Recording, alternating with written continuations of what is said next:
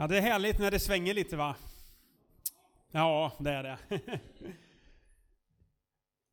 Ibland har jag sagt det, jag hade en, en kort period när jag eh, var nere i Tanzania, det är ganska många år sedan nu, som eh, ja, men ett halvår och jobbade med, med en kyrka där nere. Och sen när jag satt på en gudstjänst en dag så, eh, man, som svensk är man ju inte superrörlig i lederna så.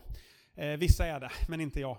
Eh, men så satt vi där som eh, klassiska svenskar och det var liksom eh, härligt möte. Och så mitt under gudstjänsten så, så var det några som började springa så här runt i, i kyrkan och jag tänkte vad, vad händer nu? Så frågade jag den satt bredvid vad är det som sker och så sa de nej de är bara glada. Så tänkte jag det var ju en fantastisk grej. Så de, blev, de tog ett ärovarv helt enkelt. Och nu vet jag inte, känner du att du vill göra det så tänker jag det är helt okej okay för mig. Om du vill ta ett ärovarv.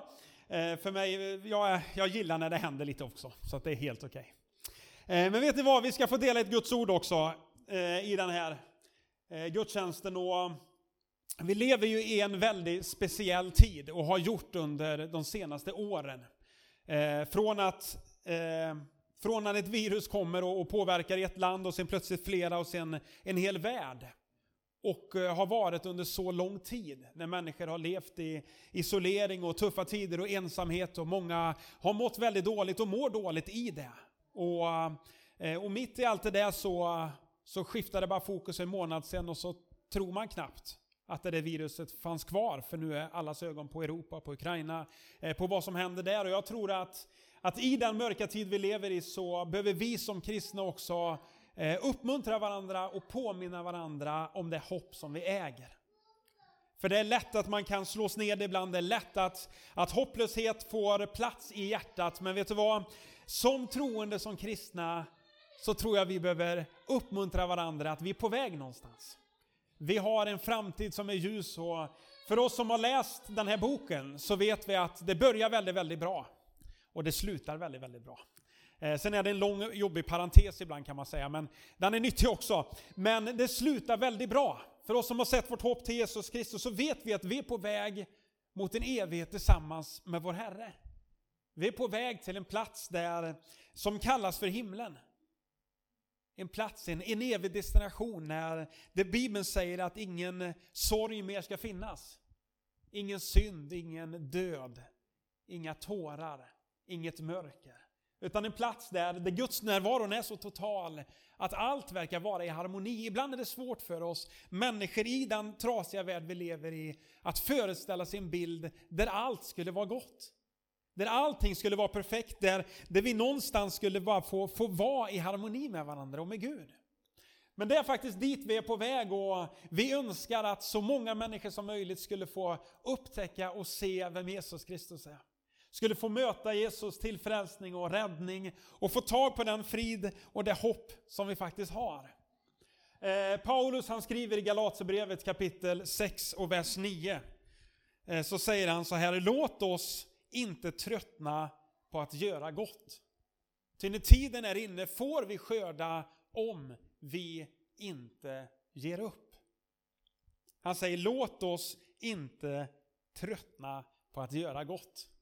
Ibland så tröttnar man. Ibland kan man tycka att det är jobbigt, ibland kan man tappa modet, ibland kan omständigheterna vara med och styra och så känner man att man orkar inte mer. Av allt som händer och allt som sker. Men så, så är Bibeln så fin att han ger oss en som uppmuntran i Hebreerbrevet kapitel 12. Ganska välkända ord också. I kapitel 12 och vers 2 och 3 så, så står det Och låt oss ha blicken fäst på Jesus Trons upphovsman och fullkomnare. För att nå den glädje som låg framför honom så uthärdade han korset. Utan att bry sig om skammen och sitter nu på högra sidan av Guds tron. Och så står det tänk på honom. Som fick utstå sådan fiendeskap från syndare så att ni inte tröttnar och tappar modet. Så vad är medicinen när vi börjar tröttna, när vi inte orkar mer, när det blir alldeles för kämpigt? Så står det tänk på honom. Se på Jesus, tänk på honom en stund, vad han genomled för våran skull. Och vet du vad, när vi, när vi börjar tänka på Jesus, när vi tänker på det pris han betalade, vad han gjorde för oss, vet du vad, då blir våran börda oftast väldigt mycket lättare. När vi börjar tänka på vad, vad han valde att betala för att han älskar oss så mycket. Du vet, vi behöver påminna varandra så att vi inte tröttnar och tappar modet. Och att göra gott, jag tror att vi behöver alla varandra i att fortsätta hjälpa människor. Och eh, beroende på vad man, eh, ibland vart man är och sådär, så kan man höra talas om någon människa som ibland kallas för någon annan. Jag vet inte om ni har mött på honom eller henne här i, eh, i Skövde kan man göra det ibland. Här finns tjänstvillighetens ande istället. Men det kan man fråga ibland om människor vill vara med. Kan du vara med och tjäna? Och så säger men fråga inte mig, fråga någon annan, säger de. Eh, eller också så är det lite, du vet sådär rörigt när man kommer och frågar vem är det som har gjort det här? Nej, fråga inte mig, fråga någon annan. Och så den är det också. Är det någon som har numret till någon annan? Och så kan man fråga ibland, du vet man ska fylla på med lite hjälpreder, du vet det kan vara att brygga kaffe eller någon som ska ha ljudet eller så säger man kan, kan du vara med och tjäna på något schema? Och, och då säger han, nej men fråga någon annan, eller jag kan stå med på reservlistan kan jag få som svar ibland också. Och du vet den här reservlistan den är full. Men den ordinarie listan är tom. Men, och, alla ska stå med på den här reservlistan. Jag tänker, och så säger han så här, vet du vad, du kan ringa mig om det blir akut. Ja men då ringer jag. För det är det varje vecka. Eh, och ibland så är det svårt därför att man, man tänker, jag har så mycket annat att jag inte hinner. Och, och i det här så, så tror jag att du och jag ibland behöver säga ja. Jag vill vara med. Jag vill också vara med och hjälpa till och tjäna. Och, eh, en gång så kom det fram en, en laglärd. Det står i, i Lukas kapitel 10 som kom fram till Jesus för att pröva honom och så säger han Mästare, vad ska jag göra för att få evigt liv? Och då säger Jesus så här, vad står det i lagen? Vad står det skrivet i lagen? Och så börjar han säga, men det står skrivet att du ska älska Herren din Gud av hela ditt hjärta, av hela din kraft, ditt förstånd och, eh, och så ska du älska din nästa som dig själv. Och då säger Jesus så här, du svarar rätt, gör det så får du leva. Då vill denne mannen rättfärdiga sig själv och så frågar han Jesus, vem är då min nästa? Och så börjar Jesus sin berättelse och säger en man var på väg från Jerusalem ner till Jeriko. Och på vägen så råkade han ut för banditer eller rövare. Som tog den här mannen och de misshandlade honom, de tog hans kläder, allt vad han ägde och så lämnade honom där vid vägkanten halvdöd står det. Och så säger Jesus att en präst kom gående den vägen. Och prästen ser den misshandlade, sargade mannen som ligger vid vägkanten. Men vet du vad prästen går förbi? Kanske prästen tänkte, någon annan kan väl hjälpa till. Någon annan kan väl ta ansvar, någon annan kan väl bry sig om honom, sköta om honom, hjälpa honom. Jag har inte tid, jag har fullt upp med annat. Och där lyssnar den laglärde och tänker, nej men prästen, det är en av våra. Och så säger Jesus, så kommer en levit. Så undrar man, vadå en levit? Ja men en av tempeltjänarna. Också en av ens egna, en, kanske en av dagens volontärer i kyrkan. Som också kommer samma väg och ser den slagne mannen. Det är inte så att de inte ser honom. Utan det står att de kommer där och de ser honom. Men den leviten, tempeltjänaren, volontären gör likadant. Och kanske tänker, någon annan kan väl hjälpa till. Någon annan kan väl ta av sin tid, sin kraft, sin energi, sin, sina pengar för att hjälpa mannen. Jag är på väg till något annat viktigt. Och så går han vidare. Och så säger Jesus att en samarier var på väg också samma väg. Och den här samarien han stannar för att hjälpa mannen. Och då tänker man ibland så ja men samarit är ju en hjälpsam människa, men vet du vad? I den här kontexten, när vi är inne här så, så är folket från Samarien, det var ju sådana som hade blandat in, liksom, de hade gift sig med hed, det var alltså judiska människor som hade gift in sig med hedna människor och så hade man tron och tillbedjan på Israels Gud, men så hade man blandat upp det med tron och tillbedjan till hedna gudar och för judarna så var samarierna avskyvärda. Man ville inte umgås med dem, man gick hellre en omväg. Det är den kontexten som Jesus säger, det var den människan som stannade. Det var samarierna, den som hade en annan tro, kom från ett annat land, inte alls var som oss. Men när människan hade ett hjärta så stannade till vid vägkanten och det står att, eh, att den här samarien såg mannen och förbarmade sig över honom. Går fram och häller olja och vin i hans sår och förbinder dem och lyfter upp honom på sin åsna, tar honom till ett värdshus och sköter om honom. Kanske styrde om hela sin liksom kalender. Varför? För att han förbarmade sig över den trasiga människan. Han valde att lägga det egna åt sidan för att hjälpa någon annan. Och så står det att eh, nästa dag så tar han fram två denarer och gav till värdshusvärden och säger sköt om honom och kostade mer ska jag betala när jag kommer tillbaka. Och så frågar Jesus, vem av dessa tre tycker du var nästa för mannen som råkade ut för rövare? Och han svarar, den som visade barmhärtighet mot honom. Och så säger Jesus, gå du och gör som han. Och vet, det var så många gånger jag läst den här berättelsen som det hugger tag i mitt hjärta och man ibland inser att vi är så upptagna ibland med, med verksamhet eller göra bra saker att vi missar de verkliga behoven. Att se den enskilda människan, att faktiskt mitt i vardagen möta människor som skulle behöva ett leende. Kanske behöver ett samtal från oss, kanske skulle behöva att någon ringer på dörren och säger vet du vad, jag har bakat nybakta bullar här. Varför då? För att jag bara bryr mig om dig. Kanske nu när vi möter i vårt eget land människor som flyr sitt eget land från Ukraina och kommer hit och jag tänker, var är vi? Som kyrkor som står med öppna armar och säger, vet du vad, du kan bo hos mig. Eller jag har kläder, eller jag har massa saker. Jag vill vara med. Eller tänker vi att det här är för jobbigt? Jag orkar inte. Någon annan kan väl göra det. Vi har ju fullt upp med våra aktiviteter.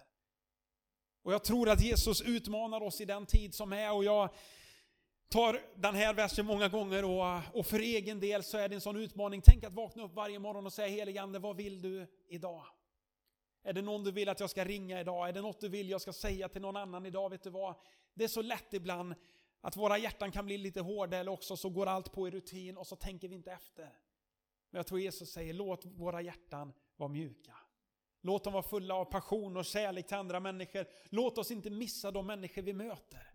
Utan visa dem barmhärtighet och omtanke. Och påminna oss om att Paulus sa Låt oss inte tröttna på att göra gott. Till när tiden är inne får vi skörda om vi inte ger upp. Så låt oss fortsätta hjälpa människor, låt oss fortsätta och sträcka ut en hand. Och ta det som en uppmuntran, inte att man går härifrån och säger vi bara vi skulle behöva göra så mycket mer, eller jag ska göra det här. Nej, nej, nej. Jag skulle bara önska att, att Gud får röra vid våra hjärtan. Det vi säger, vet du vad, jag vill fortsätta Gud och hjälpa människor. Hjälp mig att inte bli apatisk eller likgiltig eller hård, utan hjälp mig att ha ett hjärta som bryr sig om andra. För jag tror att det är det vi kallade till. Mattias ska få sjunga några sånger till och vi ska få be tillsammans tänker jag. Eh, och jag tror ibland att, att Gud utmanar oss i att faktiskt göra någonting för någon annan. Jag sa eh, för ett tag sedan jag predikade på hemmaplan att tänk om vi som kyrka skulle få lysa ännu mera Jesus. Tänk om vi skulle få verkligen vara, för Jesus kallade oss att vara ljus i den här världen. Och ett ljus lyser i mörkret och mörkret kommer aldrig övervinna det. Och ibland är det att ju mörkare det är, desto klarare lyser ljuset. Och vi lever i en mörk tid och jag tänker desto tydligare borde Guds församling lysa. Borde vi som medmänniskor lysa av hopp till andra människor. Och när vi möter grannar och vänner och arbetskamrater och allt vad det kan vara så är det lätt ibland att, att dras ned av hur illa det är. Och oro kommer och jag, jag säger inte att det inte kommer för att man tror på Jesus, men vet du vad? Jesus säger också kom till mig. Alla ni som bär på bördor, alla ni som är nedtyngda, kom till mig säger han och lasta av det där. Jag vill ge ny kraft och Jesus sa aldrig att kom mig så ska livet bli enkelt. Men han sa kom till mig så har jag lovat att vara med varje dag tills dess att jag kommer tillbaka. Och jag tror att det är livet med Jesus, det är inte att det är den enklaste resan, ibland tvärtom. Man får lida ett tuffare liv. Men man vet också att det finns en som alltid är med. En som styrker en genom allting och som ger oss den kraft vi behöver för att ta oss igenom varenda utmaning eller varje sak vi möter. Så säger Jesus, jag är med dig. Jag hjälper dig. Och vår uppmuntran den här söndagen, det är att kanske det finns någon här idag som, som är trött. Som börjar tappa modet. Som inte riktigt orkar så, så säger Bibeln, tänk på Jesus. Och jag vill säga det till dig, jag vill uppmuntra dig. Är det kämpigt, lyft blicken. Försök att se Jesus framför dig. Och vet du vad, han älskar dig och han vill ingenting annat än den här söndagen få, få ta av det som tynger. Rena det som liksom har kommit in kanske i vägen. Och det kanske finns saker som kommer upp där du säger jag skulle behöva be om förlåtelse, jag skulle behöva sona det här eller göra upp med det här. Vet du vad, jag tror att den helige Ande ständigt hjälper oss för att våra hjärtan ska vara mjuka. Och jag tror vi ska göra det så enkelt att när vi bara sitter där skulle vi kunna blunda en liten stund och bara böja våra huvuden med respekt för varandra. Så skulle jag vilja fråga om du sitter där inne. Jag ska inte peka ut dig eller ta fram dig på något sätt, utan jag vill bara be en enkel bön. Medan alla blundar här inne. Om du finns här som, som säger, vet du vad, det här talar till mitt hjärta. Kan du inte bara ta med mig i bönen? Om du finns här inne, kan inte du bara lyfta din hand? Medan alla blundar så kan du bara räcka en tack Jesus, tack Jesus. Det är flera händer som går upp. Och det täcker med dig och Gud så ska jag bara inkludera dig. Är det någon mer så kan du bara lyfta din hand. Tack Jesus. Tack Jesus, ni kan få ta ner händerna. Fader jag tackar dig den här söndag eftermiddagen för att du är här i Bua med din närvaro.